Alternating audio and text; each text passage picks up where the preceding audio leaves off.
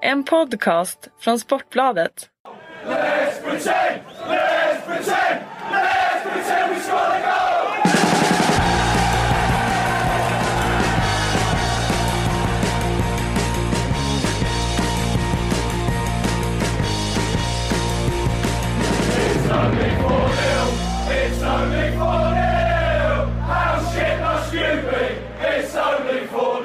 Då hälsar vi hjärtligt välkomna till Sportbladets Premier League-podd. Mitt namn är Patrik Syk. Eh, Med mig har jag Kalle Karlsson och inte Frida Fagerlund. Hon är ute och eh, reser någonstans så att eh, istället har vi Patrik Bränning. Ja, Ja, som en- live-publik En säga. publikfavorit.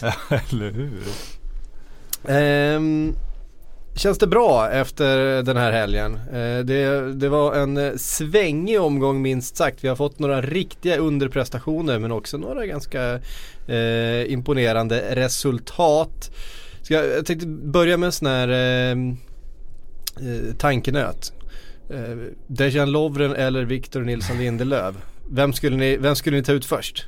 Claudio Casapa skulle jag ta ut först.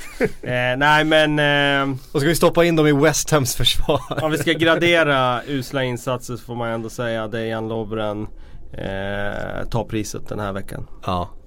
Eh, ja Vi kommer det- väl in på det mer sen kan jag tänka mig. Det kommer vi göra. Jag bara, det, det, det är intressant att eh, vi har några sådana tydliga bottennapp den här veckan. Men vi kan väl börja med eh, Manchester United då. Det var en tidig match på lördagen eh, borta mot Huddersfield. En sån där match som man ju förväntar sig att ett lag som eh, Manchester United ska kunna göra lite mer i än vad man faktiskt lyckats med. Ehm, jag vet inte, jag såg någon statistik på Romelu Lukaku hade två bolltouch i offensivt straffområde på hela matchen. Eh, vilket inte är så mycket. Eh, mot ett sånt motstånd. Men Huddersfield gör det bra. Huddersfield gör det bra men jag tycker nog i det här fallet så var det framförallt Manchester United som gjorde det dåligt. Nu har de ju faktiskt eh, varit inne i en eh, period här där spelet inte alls har fungerat och där eh, den här formen från eh, starten av säsongen har varit som bortblåst. Det är inte alls det här farten i anfallsspelet, inte alls det här flödande eh, passningsspelet där de hittar in eh, liksom eh, mellan motståndare och bakom motståndare och så. Utan nu var det faktiskt ett United som hade oerhört svårt att, eh, att eh, öppna Huddersfield och det kändes väldigt eh, segt rakt igenom. Givetvis ett jätteavbräck att Paul Pogba är på skadelistan. Nu märks det verkligen att hans kreativitet saknas.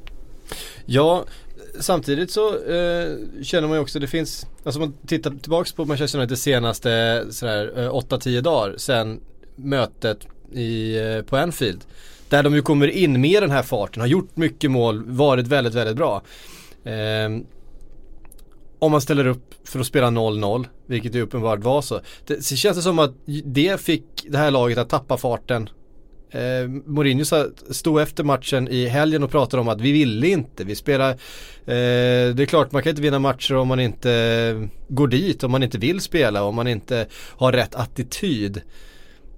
Kan det vara en liten, vad ska man säga, attitydsförstörare att skicka ut spelare som Mkhitaryan och Rashford och Martial och Lukaku med ett eh, sånt defensivt och ett för vi såg ju Benfica de, i, Champions League förra veckan, de skapade ju nästan ingenting där heller. Det var ju liksom en, en målvaktstabbe som gjorde att de kommer därifrån med, med segern och, eh, och så nollade utav Huddersfield nu i helgen. Nej men alltså jag tror Hur att mycket de... får han ta på sig själv utav, Ja. utav den här inställningen från spelarna är det jag, jag är ute efter. Ja, jag förstår. Nej men eh, jag tycker att han får ta på sig en del. Jag tycker att de tappade lite av sitt momentum när de eh, Leif Ja. Bolk jublar över ditt ordval. Ja, men det, det var ju Borgs ord ett tag men nu känns det som att det är Ja, absolut, allas ord. Absolut. Eh, men ehm, eh, det, det fanns inte någon anledning tyckte jag att åka till Anfield med den extremt negativa eh, taktiken som de hade i, i den matchen. Eh, de möter ett Liverpool som har sina försvarsbrister. Och varför skulle inte Manchester United kunna utnyttja det i den matchen som andra lag utnyttjar det? Eh, jag tror att de tappar lite av sitt, sitt flyt eh, med, med den insatsen. Och visst, de fick en poäng där som var en okej poäng kanske. Om man ska vara rent pragmatisk. Men som du säger, sen dess så har inte spelet funkat. Och Nu har ju spelare som Mkhitaryan som var glödhet i starten av säsongen. Mata som har varit het. De har inte sett bra ut nu. Eh, och när de dessutom då saknar en sån spelare som var helt central i inledningen av säsongen som Pogba. Då, det är klart, då, då stryper man ju den där eh, distributionen fram till en Lukaku. Eh, två touch i offensivt straffområde, det är ju Ja det känns ju väldigt, väldigt lite. Och ett tecken på att just nu så Så Alltså de är, de är långt ifrån den nivån de höll för bara några veckor sedan. Mm. Sen det är ju kul, det är ju skriverier nu om att det, det liksom finns spänningar i Uniteds trupp efter att Mourinho varit så tydlig med att och kritiserat deras hängivenhet och inställning och sådär. Dels är det roligt hur fort det kommer sådana skriverier efter några dåliga resultat. Men jag tycker ändå något man kan reagera på, Mkhitaryan som ju fick rösta till den här The Best utmärkelsen, Fifas pris till årets tränare. Då får du välja tre tränare du ska ge poäng då. Och han hade inte Mourinho på topp tre. Men det är väl för året antar jag? Ja, alltså förra året då. Ja, ja. och det, nej, men det känns väl rimligt ändå. Jo, det- jag menar, men det är ändå- tagit Mourinho? Ändå rätt. Det är ju du hans säger- tränare. Exakt, du, säger, alltså, du, du tar ju dina spelare, dina tränare, alla andra gör det. Dani Alves har Neymar som etta liksom. Alltså Ronaldo har aldrig röstat på Messi i sitt liv. Eh, Andreas Granqvist och Ja, Janne fast- Andersson har båda med Zlatan på listan. Du, det, det brukliga är ju att du tar din Jo, tränare. jo. Alla gör ju det. Ja, Ja fast ändå när det gäller tränare sådär. Jag menar Zlatan röstade ju på Pep Guardiola en gång.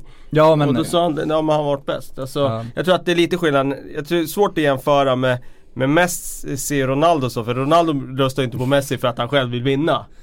Jo precis, jo, Ja. men han har ju såklart med Zidane på sin lista, ska han ju också. Men jag menar alltså, det brukliga är ju att de, de tar, de stora stjärnorna tar sina egna tränare. Alltså om du är en stor klubb så har du, det, det, Ja, det är ju mer har ju- vanligt än ovanligt om vi säger Ja så. men har, har man gjort eh, Zidanes resultat, det är svårt att inte det Zidane oavsett om man exempel. spelar Men jag, men jag menar alltså det Nej, brukliga är alltså, ändå det. Det är ändå man, tre man, man, man kan ju ha en Zidane etta och en, eh, vad vet jag, någon annan tvåa och sen slänger du in Mourinho Exakt. så att du har honom liksom eh, där. Ah, jag, jag, jag tycker inte att det var något uppseendeväckande. Alltså jag menar Jag de slutade det- femma i fjol. Nej, jag tycker Eh, det finns någonting där. finns de någonting vinner ju Europa League för fan. Ja men de vinner lite sådana här små turneringar som Europa League och Ligacupen och sånt där som inte väger så tungt. Jag, eh, nej, jag, ty- jag kan inte se att han ska vara på någon topp tre och jag kan inte blamea Mkhitaryan för det.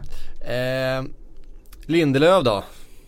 Hur, eh, hur rankas han? Alltså han var ju väldigt ifrågasatt satt inför den här matchen. Har ju Verkligen. inte eh, gjort något avtryck egentligen i Manche- Manchester United de eh, chanser han har fått.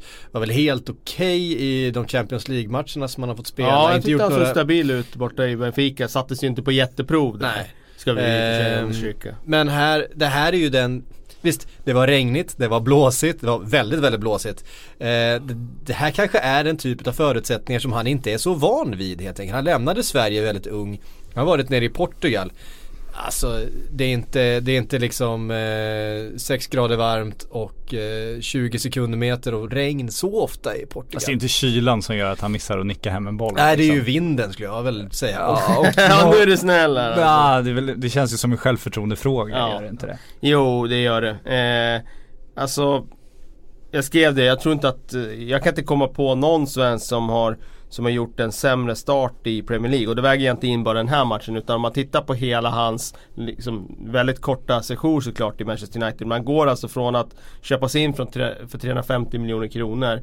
Gå från att vara alla utgick ju ska man komma ihåg på att han skulle in och starta med Bailly. Mm. För Phil Jones och Chris Smalling har inte övertygat alls de senaste året. Och Rojo var skadad. Så att när han kom då köptes han ju som startspelare. Han går alltså under försäsongen från start till läktaren.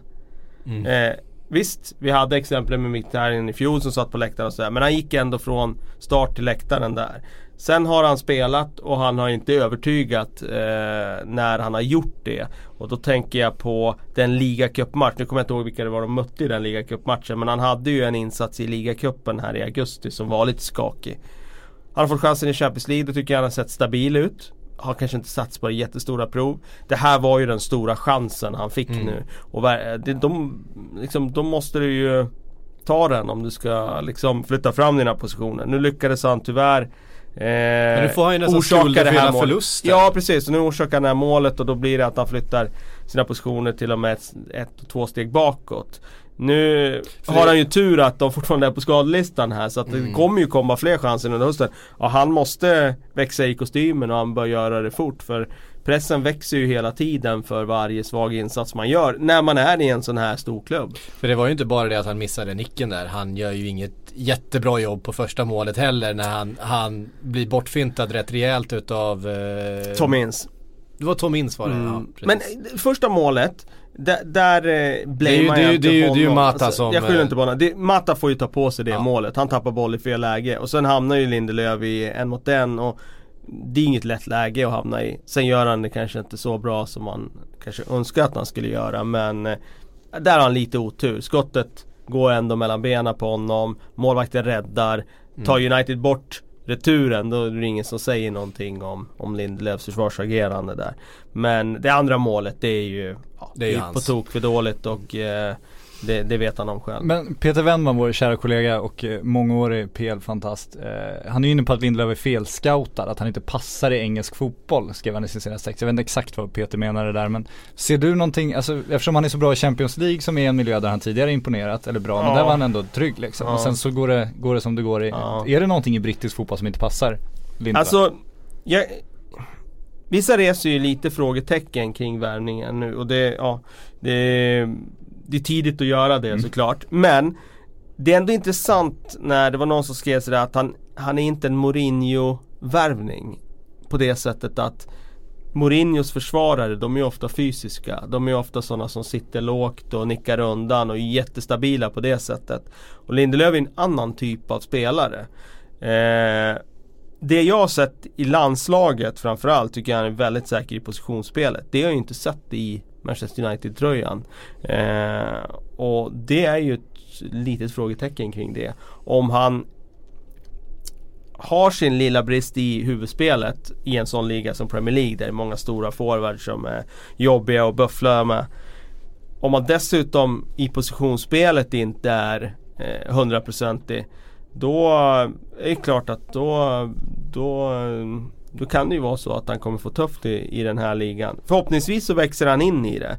Men jag tycker också att det som han har beskrivit som att han har liksom en jättefin passningsfot och sådär. Han har en bra passningsfot men han har inte en passningsfot som är spets i Premier League. Det tycker jag inte. Jag tycker inte det att det är Eh, David Luiz eller Daley Blind passningsfoten som bara smackar in bollar mellan lagdelarna på löpande band. Det tycker jag inte utan jag tycker att han har en bra men eh, han behöver utveckla den också. Så att just nu så eh, Ja det finns ju ett litet frågetecken. Jag hoppas att han växer in i kostymen och det kommer ju säkert vara en akklimatiseringsperiod som blir lite längre än vad vi hade hoppats på. Men eh, mot slutet av säsongen så kanske han anpassar sig till den här ligan och då Eh, eftersom vi ser det här med blågula ögon så, så hoppas vi ju verkligen att, eh, att, eh, att det blir bra till slut. Mm. Och eh, nästa omgång så är det Tottenham. Ja, Som- Harry Kane. Som, som väntar och en Harry Kane som är i hyfsad form får man säga. Han ska väl spela ligacup ikväll först och främst mot Swansea. Ja just det, så det är den Ja, det blir en viktig också. match för honom, Ja, studsa tillbaka. Mm. Eh, alltså det tror jag Det ändå är bra. Abraham istället som Ja, precis. Lite lugnare i alla fall. Wilfred ja, Boney. Rätt, rätt formstark han också. Ja. Eller Bonny, ja. Eller Bonilla, det får vi se vem som startar. Det är bra att han får den här chansen Mm. direkt. Eh, liksom, gör en bra match nu och liksom upp i sadeln igen. Så att ehm, Ja men eh, som sagt det, det, det blir något att bita i nästa helg. Mm. Om man får spela. Det är Om inte säkert. Jag menar Du har ju en Daily Blind som du kan kasta in Ja. i mittförsvaret. Och ja. Ja vi har ju till och med sett att han har petat in Darmian på eh, någon slags treback för att eh, ja, skohorna bort Lindelöf lite grann som han har gjort vid något tillfälle när Darmian kom från ingenstans igen rakt in i en startelva. Ehm, Tottenham tänkte jag att vi skulle använda då som en liten segway över till eh, det andra försvarsfiaskot vi såg eh, i helgen. Ja, det var ju inte bara, det fanns flera stycken. Vi kommer ju prata lite West Ham sen också. Ehm, och Dejan Lovren. Eh, vi pratade om dåligt självförtroende och sådär, han missade den nicken. Dejan Lovren har alltså tagit bort Liverpool från sin eh, bio på, på Instagram och Twitter. Ehm, han blev utbytt efter 31 minuter efter, eh, ja, 31 riktigt, riktigt svaga minuter. Eh, det är en kille som enligt uppgifter har liksom lite problem utanför planen, han har problem med äktenskapet, han spelar på, på smärtstillande, han har väldigt mycket smärta tydligen när han spelar. Det är ju en kille som inte mår så jävla bra just nu eh, och borde han ha startat överhuvudtaget. Facit i hand så är det väl ganska enkelt att säga nej. Eh, Klopp var väl ute också så att han hade gjort det bättre med ett par gymnastikskor på sig. Så. Ja. Men det, det, dessutom så blir han ju fullständigt hängd. Ja, utav- helt, utav- helt utav. Det är inte det är inte. Mourinho-taktiken det här att ja, men det är hela lagets misstag utan han var ju väldigt tydlig med att ja, men Dejan Lovren var en Ja, katastrof. han har ju försvarat eh, Lovren, han har försvarat backlinjen. Eh, ja men det är tillfälligheter och det är en stolpe in och det är sånt där som händer och det finns andra saker och vi Alltså sådär, men, men här var det ju en fullständig avrättning efteråt. Ja. Som att det inte räckte att han blev utbytt i 31 minuten. Nej men man kunde ta signalen då kan man ju tycka. Nej, men jag tycker, Mm. nu börjar ju också ansvaret liksom skeppas över på Klopp. Tidigare har jag försvarat Klopp. Jag tyckte att liksom den här typen av misstag är svåra som, som tränare att lastas för. Att du har en spelare som, som helt enkelt gör liksom juniormisstag. Men, men med tanke på att det, det, det hela tiden ändå blir Lovren som får ansvaret trots de här misstagen. Han får liksom ingen chans att i lugn och ro studsa tillbaks eller liksom vila eller att han roterar. Utan Klopp står ju här med, med en backlinje där han inte har tillräckligt många alternativ. Eh, med en backlinje som uppenbarligen är för svag efter en sommar där han sagt att han inte hittat tillräckligt bra spelare för att förstärka det med. Nu hamnar det ju på Klopps ansvar att han helt enkelt inte har liksom tillräckligt bra alternativ och att han inte lyckas få upp Lovrens självförtroende eller om det handlar om problem vid sidan av planen att han inte får möjlighet att, att vila då och kasta in någon annan. Så nu, nu börjar det ju bli, bli lite snålblåst för Jürgen Klopp tycker jag. Och, och det blir väldigt intressant att se hur, hur det här kommer Kommer, kommer liksom utveckla sig för han är ju extremt populär, inte bara hos spelarna utan även hos journalister. Det ska man ju vara helt ärlig med för att han, han är ju liksom charmig, eh, ja men karismatisk och en, en rolig figur att ha i en liga. Så att han har ju fått väldigt många eh, Han har fått en väldigt lång smek, smekmånad, exakt. det har han fått. Men vad tycker du då Psyk som eh, har ditt hjärta i Liverpool sådär när eh, Klopp står och flinar där efter eh, missen och det där. Vad, liksom, vad känner du då? Ehm, nej. Eller köper du det för att det är Klopp? Jag har ju också kommit till någon slags insikt om att ingenting eh, Jürgen Klopp säger är sant. Eh, någonsin. Utan han, han är en väldigt skicklig, alltså han är ju en José Mourinho fast på ett annat sätt. Alltså han är ju också en, en bullshitter och en manipulatör och en, en, en kille som använder intervjuer, använder de här situationerna för att, eh, ja som ett redskap eh, nästan. Men det gör ju typ alla tränare om man tänker alla efter. tränare, absolut. All, alla, är ju, alla är ju bullshitters. Ja. Eh, men Och de Klopp- måste Klopp- vara det också. och- det är det som är, alltså det psykologiska spelet innefattar ju att du måste vara det. Ja, ja och Mourinho är ju då haveristen liksom som, Ja, som eh, alltså kan vara Bagdad-Bob ibland. Eh, det såg vi ju också Brendan Rodgers som sa att han tyckte ju allting var fantastiskt hela tiden och alla andra kunde se att det var helt katastrof. Du har bra character. Ja precis, we showed character och så vidare va. Det var ju, han var ju Bagdad-Bob nummer ett. Medan Jürgen Klopp, han har ju alltid spelat på sin skärm, att han eh, haft en rolig kommentar. Så han kanske inte svarar på frågan överhuvudtaget men, men folk går därifrån och tycker, av garvet och så är det bra. Och tycker att, och tycker att äh, men det är nog inte så farligt ändå. Här tycker jag när han, när han slaktar eh, Lovren på det här sättet så, så gör han det väl lite för att skydda sig själv. Eh, kan man tänka sig att han skulle ju kunna ta på sig den och säga att nej, ja vi har haft de här problemen, eh, det är jag som sätter upp laget, det är jag som har tagit ut honom, det, alltså så här. Men istället så, så hänger han honom helt och hållet. Så det skulle bli väldigt intressant att se vem som startar nästa match då som råkar vara mot Huddersfield just som, som slog eh, Manchester United. Men är det Joe Gomez in då eller? I Jag skulle tro det. Vad har de för alternativ Ja det är ju Klavan men han fick ju inte ens, han fick ju inte ens spela när, eh, när Lovren blev utbytt. Sen tror jag väl också i och för sig, för Joe Gomez är väldigt snabb. Ja. Eh, jag tror att Klopp kände att de behövde få in speed I de att, omställ- mot de omställningarna för, ja precis för att Mm. kunna, och det såg vi också att Joe Gomez kunde hantera på ett annat sätt Ja. också. Eh, både Harry Kane och eh, Jong Min Son när de eh, kom ju väldigt eh, starkt i djupled. Vi tar en Liverpool, vi Mm. hänger kvar lite i en Liverpool-grej. Vad säger du om det här med Klopp då?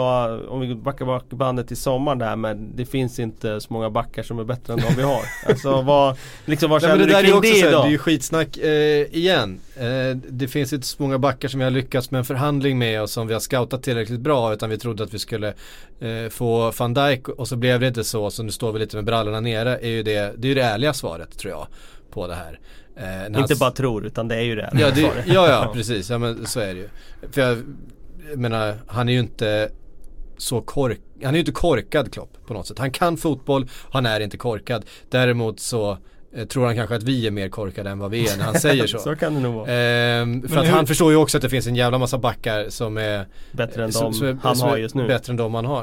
Eh, Men sen är det också så här att när man har svaga backar så får man kanske också ställa upp laget på ett sätt så att de får lite mer skydd. Eh, Och de, jag menar, han spelar med ett väldigt offensivt mittfält och de är ju väldigt utsatta både Matip och Lovren och måste göra ganska mycket svåra saker under en match och, och försvara mycket 50-50 bollar och mycket dueller som de ska vinna eh, utan att ha någon som är där på andra bollen nödvändigtvis eh, speciellt nära. Så att han ställer ju upp laget på ett sätt som gör att det blir väldigt, väldigt svårt att vara försvarare i det här. De förväntades ju spela ganska högt upp med backlinjen den här Mm. matchen också. Om man tar det där första målet där så man tittar på det så De bjuder ju in till det. Mm. Det kan man säga så här, ja, vad dåligt det var. Jo men alltså Har du Har du fem meter ner med, med den backlinjen och med hela, hela laget i det läget. Ja men då åker du inte på ett sånt mål. Eh, Det kan räcka med tre meter ner. Mm. Men jag utgår från att idén var att de skulle trycka upp och Mm. ja då sätter de sig ju i det där liksom. Mm. Andra Eh. målet finns ju också, alltså det är Lovren mot Harry Kane en mot en och Doris får, får sikta med sitt utkast. Han gör det extremt dåligt Lovren. Det går Ja det får man, det får man det. nog säga ändå. Men det är ändå en mot en mot ligans hetaste anfallare. Alltså Ja. det finns ju Men där ska han ändå liksom, där kommer man inte ifrån ändå att bollen är i luften, han ska ju kunna gå upp och ta en duell Ja, där, ja, och inte Ja, missbedöma ja, det herregud. som man Det spelar i, i, i P, Porkar 9 liksom. det håller jag verkligen med om. Eh, men det är också märkligt den här matchen att jag menar, vi snackar hela tiden om att Liverpool är eh, ett omställningslag och så vidare. Mm. Nu låter man ju Tottenham i den här matchen ställa om. Och visst, Mm. det blir ett tidigt mål i den här, lag, eh, i den här matchen och mål förändrar matcher som Erik Hamrén alltid mantrade om. Och så är det ju faktiskt. Eh, det får man ändå ge Hamrén att det, det, den klyschan stämmer ju faktiskt. Eh, eh, men, arvet men, alltså. men, men det blir ett misslyckande för Liverpool att eh, Tottenham gör det Liverpool är bra på i den där matchen. Ja. Och eh, De är ju två ganska lika lag, bara det att Tottenham har, har eh, är lite mer fler strängar på sin lyra Ja, mer, mer välbalanserade.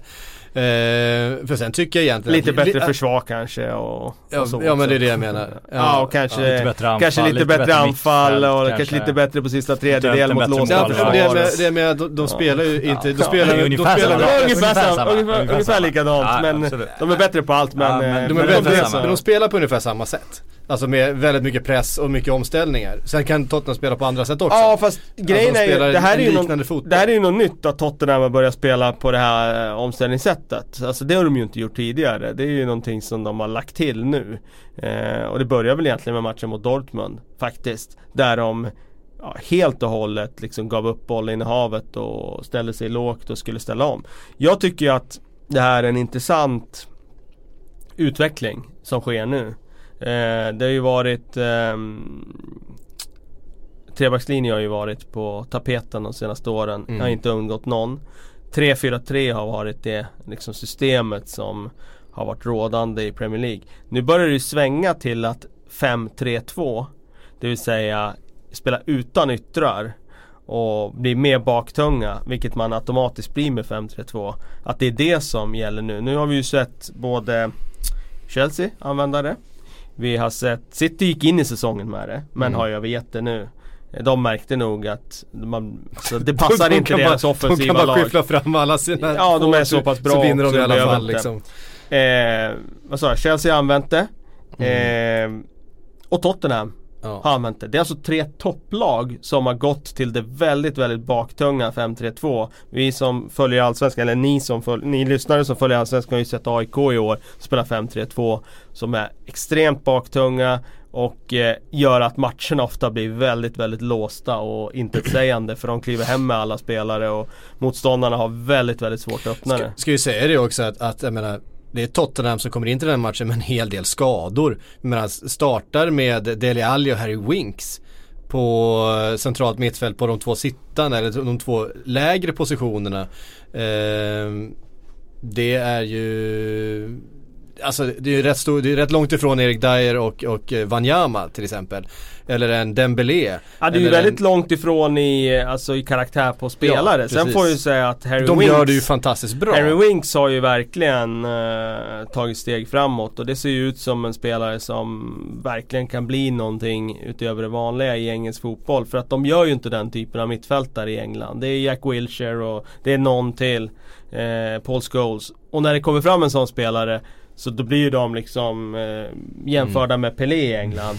och nu kommer Harry Winks efter liksom eh, sju svåra år för Wilshere här. Som har liksom de här egenskaperna. Att de är väldigt, väldigt bolltrygga och det, det är en bra fotbollsspelare verkligen. Och Vi såg ju tendenserna redan förra säsongen när han eh, gjorde sina inhopp. Att Absolut. Han, han, var väldigt, väldigt bra. Men jag ska tillstå där att jag trodde inte att han hade kommit upp på den här nivån. Eh, Han såg lite tunn ut, han ja, lite precis, ut. exakt. Det var det jag var oroad för. Men sen eh, åker han till Bernabeu och, och matchar Real Madrid där borta och deras mittfält. Och, Eh, nu var han bra igen. Och, eh, så att det där är ju en eh, väldigt, väldigt intressant Det spelare. här tunna Tottenham som vi pratade om innan börjar se ut som en ganska hyfsad bredd nu när man ser en, Ja. en Dele Alli spela lite mer, lite djupare än Harry Winks som kommer in som en startspelare i den här typen av matcher. Då har man ju dessutom, ja men Erik Dyer, man har Victor Wanyama, man har Moussa Dembélé. Danny eh, Rose och eh, Danny Rose utanför. Vi ser en Sar, eh, Aurier på, spelar på till vänster. vänsterback. Ja, visst, nej. Eh, Och sen också som du sa, alltså flera strängar på sig lyra. Det, det är inte bara, det, det hänger inte på att Eriksen ska göra allt. Alltså, utan det, de har ju sitt omställningsspel nu som är väldigt, väldigt bra. Sen tycker jag, nu kommer jag inte ihåg vilket stora lag de mötte, men när de, när de hade sitt kantspel och lyckades få in, alltså på alla inlägg från, från de här wingbacksen så hade de ändå tre, fyra pers hela tiden in i löpningen i straffområdet. Det är ju extremt svårt att liksom hinna få upp så mycket folk. Det tycker jag, då var jag ruskigt imponerad av det och nu spelar de på ett helt annat sätt plötsligt. Så att de börjar bli ett, ett helt fotbollslag på ett väldigt Och sätt också. rollspelare som sån som jag älskar. Ja. Som eh, du kan skicka in han lite olika eh, arbetsbeskrivningar och han löser det oftast. Mm. Eh, och när han får chansen att spela där framme då sysselsätter han ju alltid en backlinje. Och visst, han kommer aldrig bli en spelare som erövrar världen. Han kanske inte har den spetsen riktigt men han är ju otroligt nyttig. Alltså, det, det, nu, nu bara för att han är korean då, men man får ju lite känslan utav Park i, i Manchester United som var den här rollspelaren som kunde gå in och gö- alltid gjorde jobbet liksom. Ja, han är ju i alla fall rollspelare, det är han ju. Sen Det de, man lite olika jämföra. positioner men, men, Ja. men, men Och lite, andra samma egenskaper också. Ja men lite samma status i laget liksom. Ja, Man så fick är det ju. Alltid liksom Så sju ju. av tio av honom och man kunde sätta honom på en, en rad olika positioner och man fick alltid en, en stabil, bra insats. Ehm, det koreanska fotbollsmetoden, vi, ska, vi ska ha sju av tio spelare. Nej, det är inte eh, fy skam. Den breda Vi penseln. måste, vi måste lämna.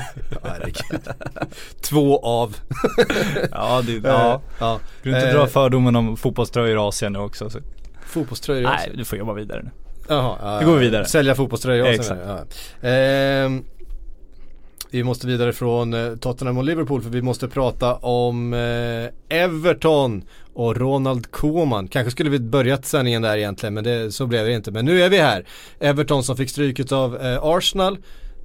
Ett Everton som ganska likt Liverpool och eh, till viss del Manchester United överhuvudtaget inte kunde försvara sig. Eh, Han var ju helt pulveriserade även i första Ja. halvlek när de hade 1-1 med sig fortfarande. Det var ju det var väl den här statistiken, jag hatar statistik generellt men Arsenal hade väl eh, haft- Hatar du statistik? Ja men jag säger ingenting, folk använder, de här statistikknäcken går liksom att vrida hur du vill. Så är det, statistik går Men, de ändå eh, att vrida på. Arsenal hade väl skapat fler chanser än de gjort i en halvlek de senaste sex säsongerna var väl eh, liksom, Det säger ändå någonting får man väl ändå, ändå er, villigt erkänna även för en statistikhatare som en annan men Ja nej de var ju helt överkörda Pickford hade lite att göra.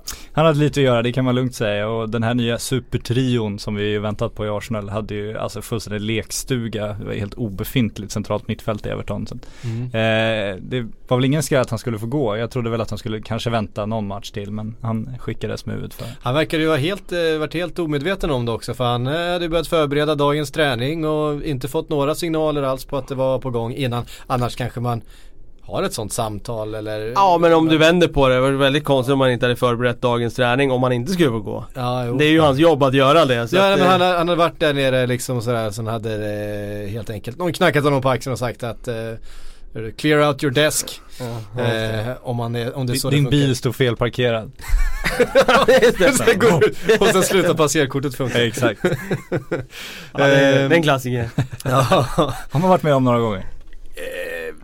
Eh, vad säger vi om eh, Ronald Koeman eh, Ah, vi just säger nu väl så här att... eh, Det är ju ganska, ganska lite tid ändå den här säsongen. Från att ha fått byggt, bygga så mycket den här sommaren och fått så mycket pengar. Visst att det inte har fungerat och att han inte, men måste man inte också få tid att, att bygga ihop det här eh, som man har handlat in? Ja, jag tycker att han kunde ha fått mer tid. Samtidigt så Det är klart att det blir problematiskt när När det ser så här illa ut som det har gjort. Alltså det är ändå en klubb som Visst, de tappar sin bästa spelare och där vill jag verkligen understryka att Gör man det så, så kommer det få effekter. Det, det är väldigt, väldigt svårt att tappa sin bästa spelare. Det är en annan sak att tappa spelaren som är nummer två eller tre eller fyra i truppen. Men att tappa den bästa spelaren Det är alltid kännbart. Det är väldigt få lag som man kan komma på som tappar den bästa spelaren och där laget blir bättre. Eh, det är väldigt sällan det sker. Eh, de ersatte med många spelare istället. Men om man tittar på de värvningarna så kändes det ju inte som att det fanns en tanke med dem riktigt. Utan det var mer Vi ska få in bra spelare, vilka kan vi få in? Ja men vi plockar Rooney där, det är en nostalgivärvning, vi tar tillbaka honom. Men så tar vi Sigurdsson där. Oj, vänta de kanske ska spela på samma position här. Ja men då måste vi foga in båda två här. Och vad innebär det för laget? Jo då har vi två spelare som vill ha boll, två som inte löper på det sätt som kanske behövs i de här liksom runt en sån spelare. Om Sigurdsson ska vara tia behöver man ha någon som löper runt omkring. Alltså det blir hela tiden det här att man får skohorna in mm eh, spelare som bör spela. Inte att de har förtjänat det utan att de bör spela utifrån sin status, utifrån sin liksom, meritlista. Och så kommer klassen in. Det är samma sak där. Och Han med- ska också med- spela i den rollen. Ja, och med sin säsong från för, alltså förra säsongen, han gjorde jättemycket mål i Holland och var liksom eh, en riktig poängspelare. Det är som, något som Everton har saknat. Klart att man känner att, ja men fan, ska vi inte försöka peta in honom? Han har ju ett målsinne och liksom en Ja, och sen, men att så med. Nias och den historien med det. Han är helt Ja. utfryst och sen kommer han in och spelar och visar sig att Och gör ja, men, två mål och Ja men han är ju den bästa forwarden vi har i truppen. Alltså det blir väldigt många felbedömningar. Mm. Eh, och sen får man säga att det här liksom, experimentet med trebackslinje har, funkade ju inte. För Everton.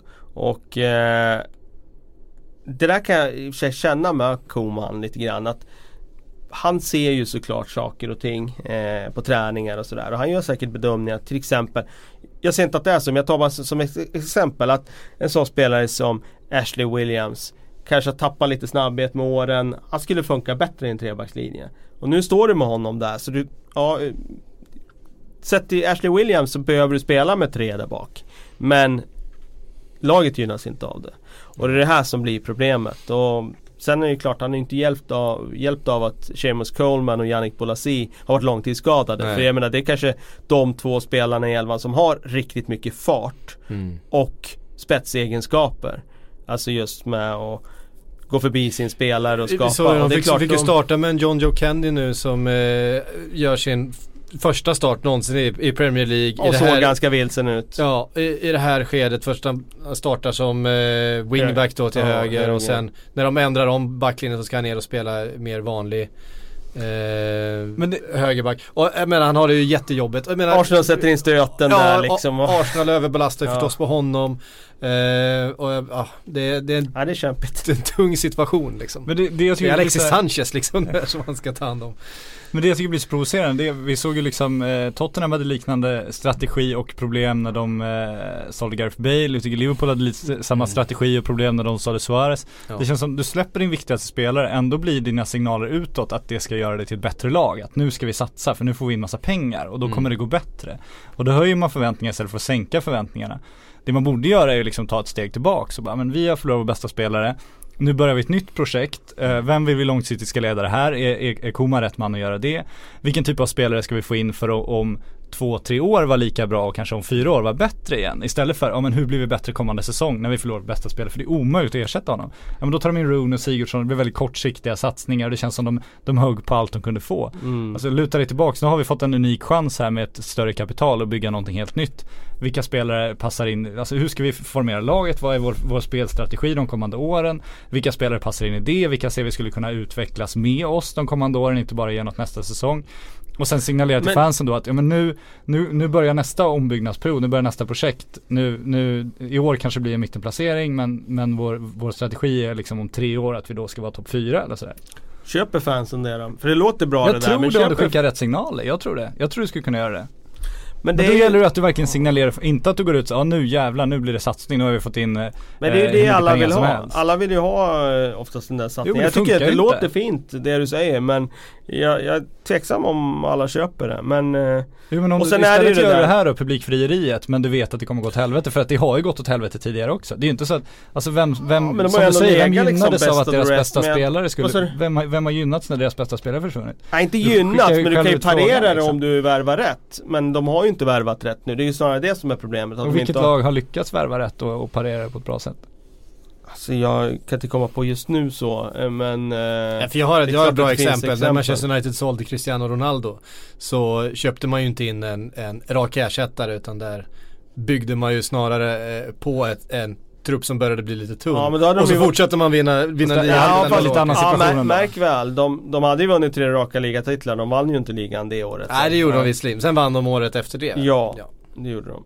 Eh, Men de började, det- de började ju bygga om för den generation, de använde de pengarna för att bygga om det här generationsskiftet när Scholes och Giggs som var på väg ut. Absolut. Eh. Eh, men det är svårt att jämföra också med United som har så mycket intäktsströmmar och som liksom bara två år De är senare inget kan jättebra börja... exempel i, Nej, jag i, tycker inte på det, något Men, men jag tycker också, om du säger då att, att, att eh, ingen kommer köpa det, jag kan Okej om, om vi förutsätter att det är så, men då får man ju, då, då får vi börja kritisera de som inte köper, alltså att fansen som sätter den typen av press.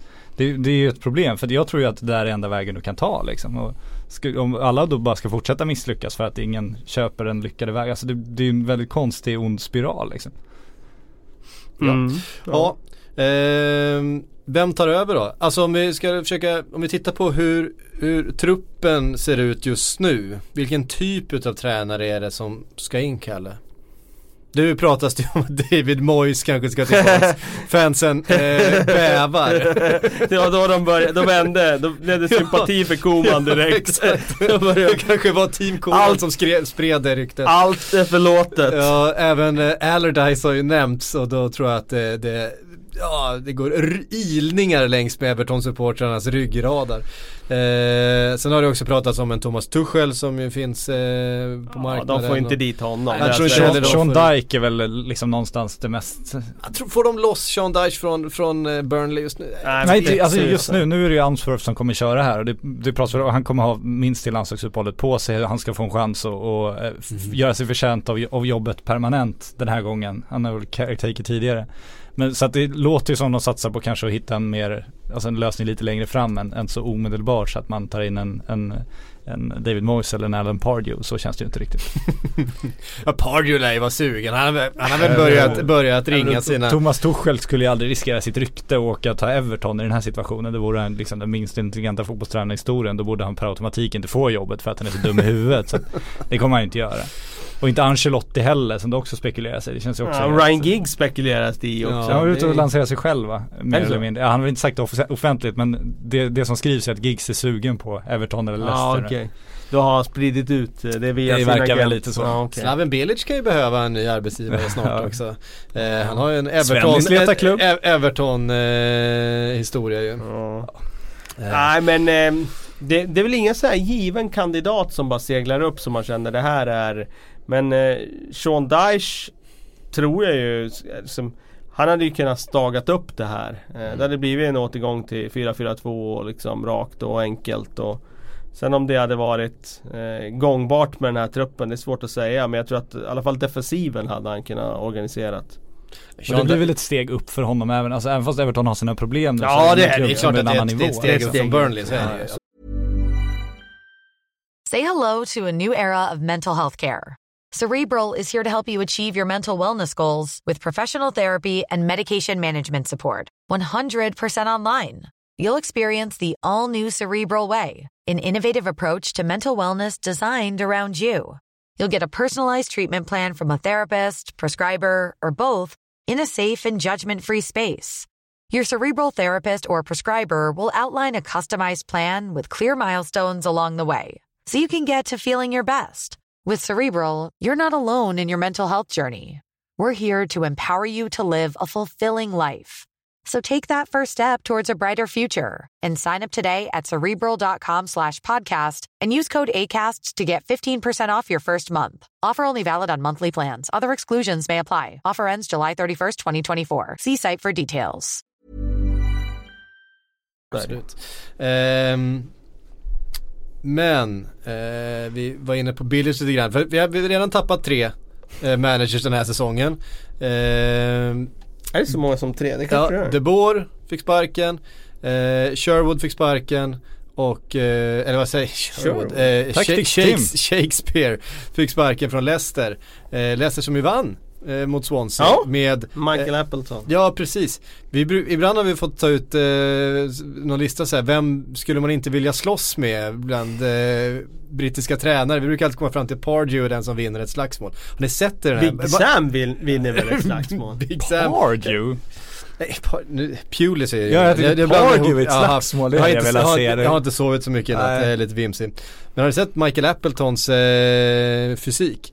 Jävlar, det, det, det är en kille som, eh, som kan eh, hantera sig om man säger så. eh, det blir svårpetad blir han. Nu är inne i ing- ing- fightingpodden här. Ja, herregud, ingen, ingen vill ju ta det samtalet med den killen. Transporterat så Eh, här. om ni undrar hur han ser ut så kan ni googla på honom. Ja jäklar ja. Ja, han ser ju mer ut Men han är som en... gymstor liksom och det här är inte funktionellt. Det är som den här tv-sportskillen som var med Mästarnas Mästare liksom. Ser ju jävligt bitig ut men så fort han ska göra något med sina muskler så faller det ihop. Så. Nej, nej, Appleton tror jag inte är så stark. Nej, nej, så kanske det är. Du vet mer om sånt än vad jag vet. Är inte det Eh, ett bra rep att eh, Bränning testar det? Utmanar Mike Appleton i ringen. Bränning är inte heller så stark.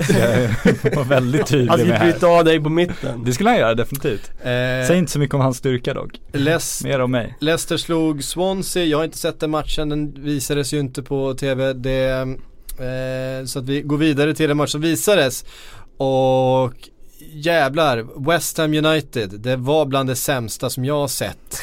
Eh, Det säger en del. Faktiskt, och det säger en hel del. Ja, du hejar på Liverpool. Eh, ehm, ja, det var som att, det fanns perioder i den där matchen, det kändes som de, de fick inte ihop två passningar i rad. Eh, det var helt otroligt vad dåligt de spelade. Och ett Brighton som bara, ja men de gick dit och, och rullade hem 3-0 ganska komfortabelt. Ja det är faktiskt sjukt. Eh, och det var liksom Nej det, det, fanns, det fanns ingenting. Och en Slaven Bilic som, som bara, han såg tröttare och tröttare och tröttare och tröttare ut. Och han hängde djupare och djupare på de där knäna. Och frågan är, alltså jag fick känslan av att det här är ett lag som inte vill ha kvar sin tränare. Det var, det var så pass illa faktiskt. Ehm, och nej, det, det löptes ingenting och det var bara, nej, de ville bara bli, de ville bara att den här matchen skulle ta slut liksom.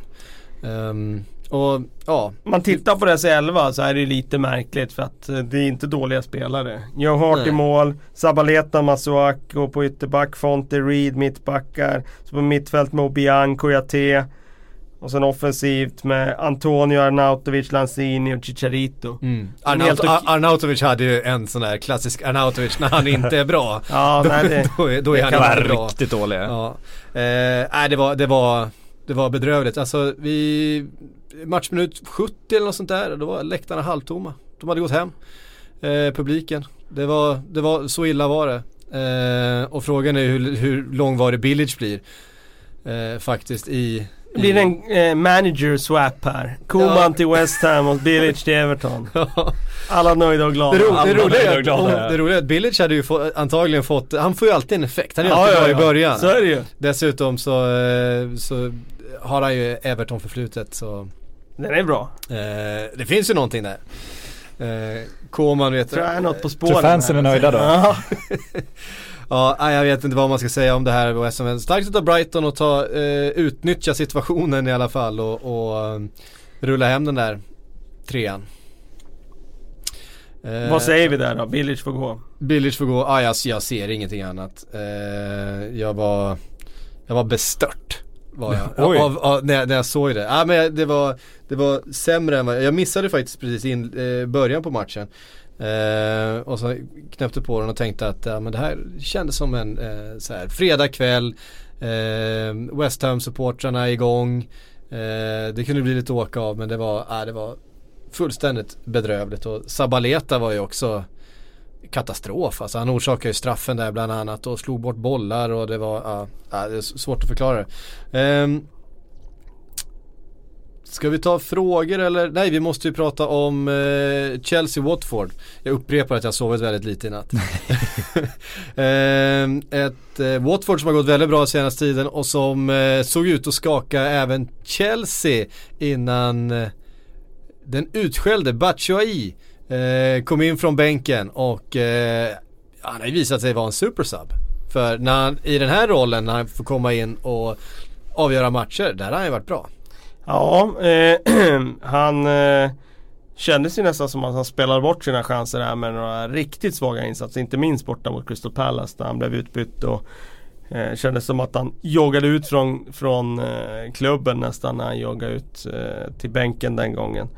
Eh, nu har han ju faktiskt återfått förtroende från fansen med det här inhoppet. Nu känns det som att de står ju lite och faller med honom nu när de inte har någon Eh, ja, de har ju såklart Morata som är tillbaka Mm. från skada nu men han är inte uppe i varv riktigt än. Och Ja, han hade ingen supermatch. Nej, han hade ingen supermatch. Och skulle Morata gå sönder igen eh, då är ju faktiskt så att Chelsea behöver sin Batshuayi där. De behöver en, en tung forward som ändå kan skapa lite grann i boxen. Och jag tror det är en ren självförtroende grej i hans fall. Alltså han har varit för långt ner i källan för att producera. Men om man kan Om Conte kan lyfta upp honom nu så tror jag att han eh, kommer kunna bidra. Det, är ingen, det kommer inte bli någon världsforward men det är absolut en forward som kan peta in några bollar här och där. Sen kommer han få köpa att han har sina matcher med jämna mellanrum där det inte funkar för honom. Och då blir det lite, lite Arnautovic-aktigt i hans fall. Alltså då är, det, då är han riktigt, riktigt svag. Men eh, den här gången klev han ju av som hjälte. Mm, verkligen och, och uh, Watford som ju vi har hyllat så mycket de, eh, de orkade till slut inte stå emot. De har ju varit så väldigt organiserade defensivt men såg lite, lite oorganiserade ut faktiskt om man tittar på slutet på matchen eh, och de chanserna som eh, Chelsea skapar. Kan vara lite trötthet, kan, Kan också vara vara. lite ett mentalt att man har kanske överpresterat en del, ett antal matcher på slutet här och, Kan det och också vara. var eh, faktiskt på väg att göra det igen ju. Det hade varit sjukt, då hade du gått i spinn här i poddstudion. Ja, alltså. hade, det hade varit för mycket alltså. Ja det hade varit för mycket för dig med tanke på hur, hur du har hyllat Watford. Men, eh, men eh, måste säga att eh, Doucouré igen, väldigt bra. Alltså Ja. det här eh, genombrottet som han har haft den här säsongen. eh, Absolut. Är, är Nej, det är en häftigt att se. från att vara liksom en, en överflödsspelare, utlånad och ifrågasatt så kommer han in och är kanske lagets viktigaste spelare den här säsongen. Eh, säga något om Manchester City också då. Som städade av Burnley 3-0. Ja, kan vi stänga den här ligan nu är det inte så. Sa vi redan förra veckan va? Ja, alltså de är för Nej, bra. De är ja. för bra. Men det, det roliga med dem tycker jag ändå är att nu har det kommit ett lag som liksom är, är överlägsna med en egen positiv fotboll. Alltså man ska inte kritisera deras konkurrenter för mycket. Men de har verkligen en, en filosofi och liksom en mer, ett mer långsiktigt arbete som man faktiskt gjort. Som gör att de, de är ju större än sina bästa spelare nu. Jag tycker engelska klubbar ofta eh, hänger lite för, för mycket på sina nyckelspelare de senaste åren. Vilket också blivit kostsamt i Europaspelet. Nu känns det som ett lag som där mer eller mindre vem som helst kan gå sönder. Och det, kommer ändå, det finns ändå gott om backup. Och det beror inte bara på att de har världsklasspelare utan också på att de har ett system som gör att det blir förlåtande. Mm. Och det ser vi i Europa nu också. Nu känns det ju som vi har ett Premier League-lag som faktiskt kan, kan utmana i Champions League och det känns som det var ett tag sedan. Kanske med undantag av De Bruyne som, eh, Han är, han är ju som, som, är, vassare, så som, är det som är i hyfsad form just Men nu. de har ju några andra framspelare som skulle kunna kliva in och inte göra ett lika stort jobb men ett, ett minst sagt bra jobb. Ja fast alltså De Bruyne, alltså vi- det är bara att lyfta på, på, på hatten alltså det, Hans framspelningar, de är från en annan planet. Så visst det är någon annan som kan kliva in men den där nivån som han visar nu på, i de där ögonblicksverken Mm. Det är ju Det är ju den högsta nivån som finns. Alltså Hans passningar ja, Som den han slog nu till Sané var det väl. Mm. Alltså den är ju slagen på exakt rätt millimeter. Ja. exakt rätt grässtrå. Helt perfekt. Han behöver bara springa, fortsätta springa i samma fart, i samma riktning, bollen kommer serverad, det är bara att avsluta. Och sådana där passningar slår ju han typ i varje match nu. Ja. Varenda inspel, eller jag ska inte säga varenda för då överdriver jag. Men det blir ju den där typen av leveranser i varje match nu. Han har ju en otroligt hög procent på att de sitter alltså. är För att jag menar man ser ju så många alltså. spelare som, alltså man ser ju ofta spelare som sätter en sån där någon gång då och då men så missar de de flesta. Ja. Han sätter ju de flesta av de där riktigt svåra När passningarna. han får ut bollen på högerkanten nu och så ser man en spelare springa in mot boxen. Ja. Då vet du ju nu så här, okej. du, du, ser det redan, Ja. du ser det redan i tidigt skede i tv-bilden ser okej den där bollen kommer slås in perfekt på den där spelaren som kommer bort i stolpen. Och mycket riktigt så gör den det. Mm. Så man ser ju redan nu när det ska bli mål, det ser man redan, det tar bort spänningen liksom. Det är fem sekunder innan så vet man redan, ja nu är det mål. Men det blir kul att se vad som händer med hans liksom star quality nu. För att han är, han är ju ingen superstjärna så i, sitt, i sin liksom framtoning och eh, i sitt liv vid sidan av fotbollsplanen om du förstår vad jag menar. Men nu ska han ju förhandla om sitt kontrakt. De har inte gjort det sedan han kom till klubben. Och nu snackar hans agent om att det är, liksom, det är Neymar-lönen de utgår ifrån när de ska sätta sig vid det där förhandlingsbordet. Ja, det, det, det kan de nog göra också för City har mycket pengar och han är värd sin viktig guld. Jag, jag fick någon fråga här på Twitter här, vad är liksom hans marknadsvärde idag? Och känslan är ju att det är definitivt över en och en halv miljard alltså, om den skulle ut på Ja, marknaden med. absolut. Med den åldern, den nivån han men har men nu. fan ska, ska då- Coutinho kosta så mycket så ska ju De Bruyne som ju Ja, skulle kosta en, mer. en klass det skulle till. kosta mer. Ehm, Nu vet jag inte om Coutinho ska kosta en och en halv miljard i och för sig men eh, Det kanske nöjer sig med, med en där, en Ja, miljard. ja. Men, men eh, ja, det är i alla fall över en och en halv miljard i dagens Ja, rådande ja, marknad liksom. Eh, och det fram, gör ju att eh, övergången och affären för ett par år sedan framstår som billig. han Ja, är, ju- han, och han är ju också lagets enda spelare som faktiskt är, ja men som vi har varit inne på, kanske topp fem spelare i världen alla kategorier. Ehm, Ja. Ja jag tycker att han börjar röra sig uppåt dit nu. Ja, men det, det, det är ju han eventuellt som skulle kunna aspirera på att vara där. Det är lätt att säga Eh. sådär att ja eh, ah, men den och den är topp 5 så, så börjar man tänka efter, ja förresten du har de där Ja. två, sen har du Neymar och sen Mm. har du ett- den och den och den och så ser man att oj okej det kanske bara är topp 10 ändå. Men han börjar röra sig uppåt Ja. till den där kategorin där, där man kan aspirera på topp 5. Ja, han är på topp 10. Ehm, Han får åka på den här- Fifa-galorna snart. Ja det är inte eh, omöjligt att, eh, jag menar någon gång ska väl de här två börja tackla av här och några ska ta över och då Mm. har ju han åldern inne för att vara en av dem som Ja men börjar aspirera på de där priserna. ja men det, det, det känns som att det finns en, en det klart, det ett, ett, ett gäng någon där. Ja, men det är också. han och det är en Dybala och Sen det kommer ju en, Mbappé också eh, som Mbappé och det är en Isco Neymar. och några stycken. Neymar som och, att, ja, eh, ja det finns såklart nya stjärnor. Ehm, och så. Ä, ä, ä, ä, ehm, vi, eh, men också imponerande, de släpper inte in några mål. Nej, City. de släpper Och- bollen. det är väl den här och- klassiska förklaringsmodellen igen. Jag menar, det här, så John Stones som försvarare, just i det här laget, är han ju suverän. För jag menar, när han inte behöver försvara så mycket utan kan vara bara längst bak och, och sätta igång spelet. Eh, och dessutom täcka upp och vara, eh, vara snabb och, och fysisk och, och inte tappa så mycket boll liksom. Ehm, då är han ju en ideal eh, försvarare för Där Lindelöf skulle varit. Där skulle Lindelöf varit ja. Ja. Där hade han passat bättre. Jag tycker att vi borde jämna ut det. Jag tycker att Lindelöf, eller jag tycker att Dejan Lovren borde spela där istället. så att det blev lite jämnare. Ehm, han hade säkert också varit fantastisk i Ja, det här laget. Så man behöver ju inte försvara något. Eh, eh, eh, eh, ehm. Ehm, vi tar lite frågor. Vi, får en, vi har fått en från Jimmy Bengtsson här. Richard Dunn, Duncan Ferguson och Vera leder tabellen över röda kort med åtta. Vem i årets Premier League kan slå sig in i toppen? Alltså då måste du ha någon som har tagit en hel del röda kort. Eh, Redan ja. eh, Ja eller som har potential att göra det framåt. Ja precis, åtta röda kort. Det var väl bara Zidane eh, skrapade upp under karriären va? Var det så? Han var ju en riktig stygging. Det kommer man ju inte eh, så ofta ihåg men, men jag tror han hade åtta röda kort i. Kommer inte hela hans Men, arv gå ut på att han eh, skallar en kille i bröstet så att men du väl gömt det. Nej, det, det, är ont om, det är ont om riktigt stygga killar i, Ja, eh, det är klart att en, vara. en Andy Carroll skulle, Skulle kunna vara faktiskt. eh, slå sig in där. En Ja. Ryan Shawcross, jag vet inte hur många, han tar inte så mycket utvisningar. Han är lite smartare, han är, han är hård men han är ju lite Ja. Ja, men Andy John, Carroll John ju- Shelby Ja. har ju potentialen. Ehm, men Andy Carroll skulle det kunna vara. Ehm, En irriterad Arnautovic, nu har han kanske inte han har så många år kvar men Eh, Ja. ja. men jag tänker på en Andy Carroll, han kommer att vara kvar i ligan tills han är Ja, så är det, 35 ja. med sin spelstil Ja. liksom. Och kommer få så. sådana här onödiga röda kort som inte beror på att han har tappat huvudet utan att han helt enkelt är klumpig liksom. Ja, nej men han ja, sticker båda delarna tar han ju. Ja jo så är det, jo men, men det finns ju Arnautovic röda kort när man helt tappar huvudet Men eh, Carroll har ju både den och den här råka gå upp för högt med armbågarna grejen som exakt. kommer resultera i en del Precis, för han har två röda kort den här säsongen redan va? Är det så?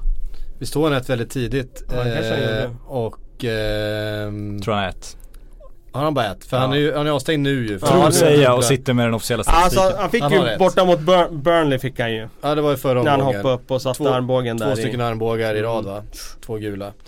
Ehm, mm, mm, mm. Jag vet inte vad det med. Ja, det var ju Arnautovic också som hade, det var jag i, i början där. Mm. Och så Han John- gjorde en sån här idiotgrej. Precis, en John Joe Shelby. Eh, ja men det är väl de då. Man har svårt att se eh, någon annan. För det förutsätter ju att de ska spela länge. Ja det är det, de måste ju Eh. vara tillräckligt bra också för att få chansen trots att de är avstängda sådär ett par gånger per säsong Eh, Robin undrar, är Klopp mest överskattade tränaren idag? Vem ska ersätta honom Svänger när, snabbt. när Liverpool inser att han inte kommer vinna någonting?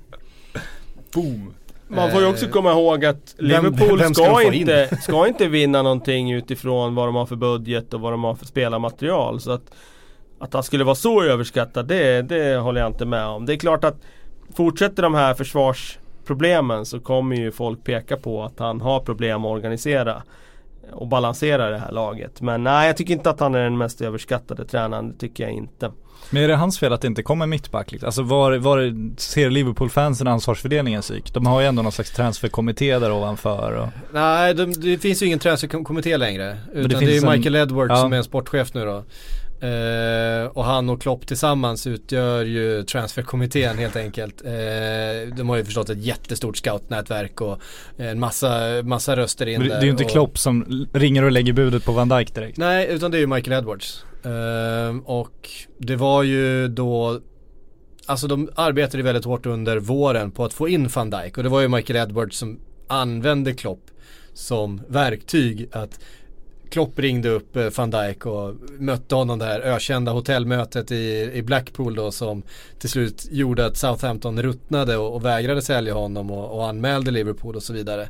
Eh, och det var, har ju varit Michael Edwards strategi sedan han kom in. Han har inte suttit så länge som sportchef.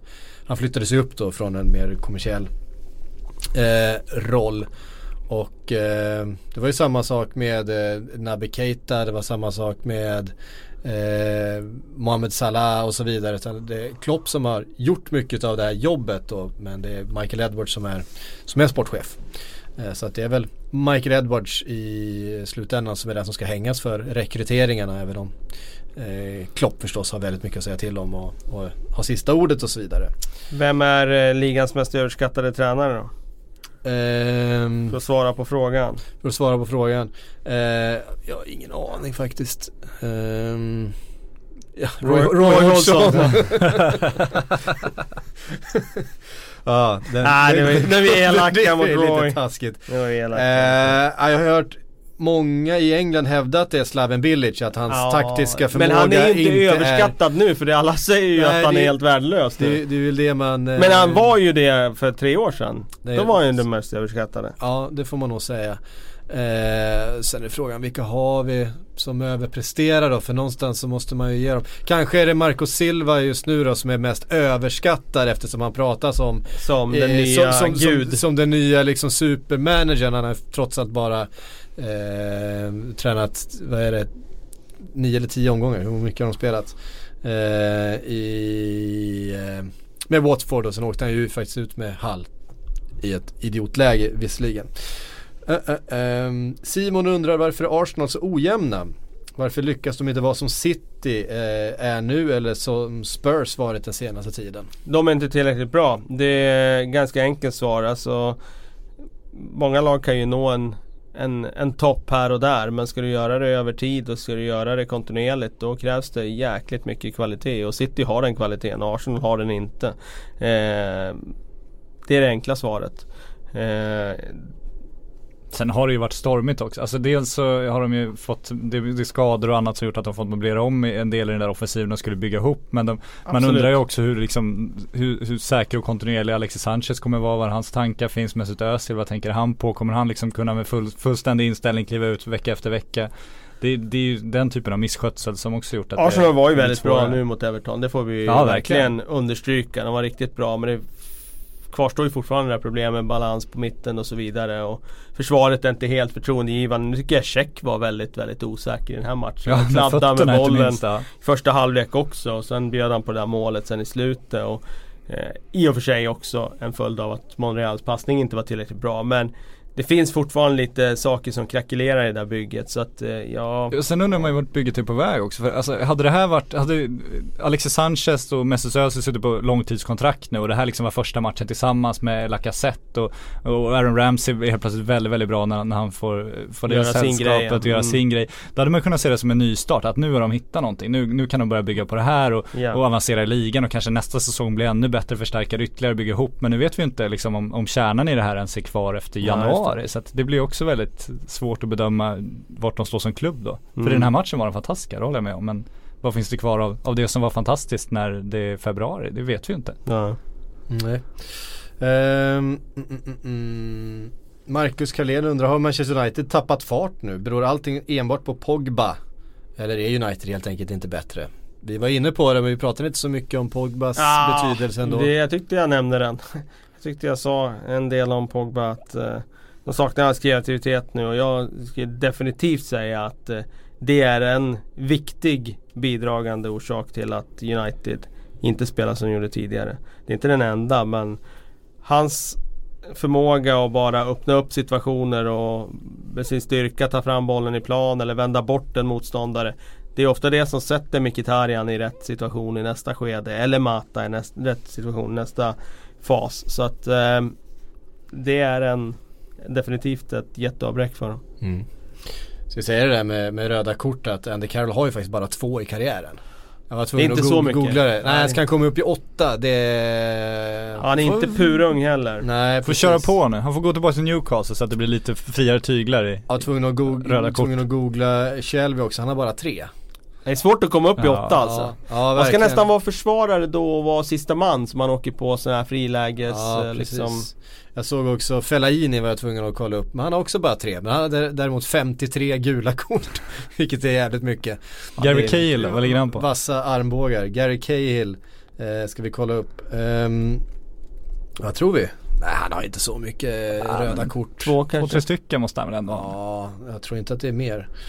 Uh, jag ska säga, jag kan liksom inte dra mig till minne sånt sådär. Uh, jag har tre stycken röda kort på Tre, honom ja. också. Det är ganska starkt. Alltså åtta röda kort är rätt mycket. Ja det är mycket. Eh, Richard Dunn. Ha, har han, har han eh, det är väl självmål han leder också va? Ja. Ja. Antal röda kort och antal självmål Han gjorde ett avtryck, får man ge honom. Vilken kung han var Richard Dunn ändå alltså.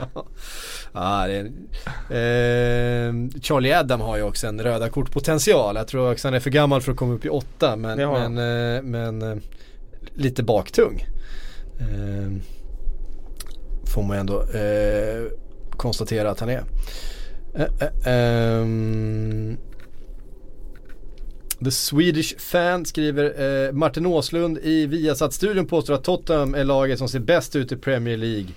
Eh, vad tycker ni? Han, eh, Svårt att säga att City hade- inte ser bäst ut. Han hade ju en utläggning där om just att man vinner inte ligan på högsta nivå utan på jämnhet och att Tottenham är en jämnare. Och hittills har ju City såklart även varit jämna eftersom de bara har legat på sin höga nivå förutom en plump hemma mot Everton. Men jag förstår ju vad han menar att det är klart att det kommer komma en period kanske under den här vintermånaden igen då för City där det är lite skador och man inte får resultaten med sig och då ska det finnas en, ett fundament att stå på. Och det fundamentet är ju bättre i Tottenham än vad det är i City. Så att eh, det är klart att man förstår det. Men jag, jag ser ändå City som favorit. För jag tycker att de har så bred trupp också. De har så många spelare som kan gå in och göra jobbet. Skadan på Mendy var ju eh, kännbar. Men nu har ju Fabian Delf kommit in och gjort det bra där. Så att eh, de har visat att de kan hantera vissa skador. Det är klart att De Bruyne eh, är jobbig att bli av med. Men det, är också, det känns som att City har fler, fler spetsar liksom. Alltså Tottenham har en starkare grund men vad händer om du tar bort Harry Kane under en längre period? Vad Ja men det sa ju han också där att eh, det, så, det får inte ske liksom, Nej. för då är det ju kört. Och då är frågan hur stabil grund du har. Nej det är mer att de defensivt kan de ju stänga till och vinna med 1-0 och Mm. sådär och det är frågan om City kan göra det men det får visa sig längre fram här. Ja. Hörde ni kära vänner, det var allt vi hann den här tisdagen. Eh, tack Patrik för att du eh, kom in och pratade lite Premier League. Tack Kalle för att du kom som vanligt. Eh, tack kära lyssnare. Vi är ju tillbaks om en vecka igen.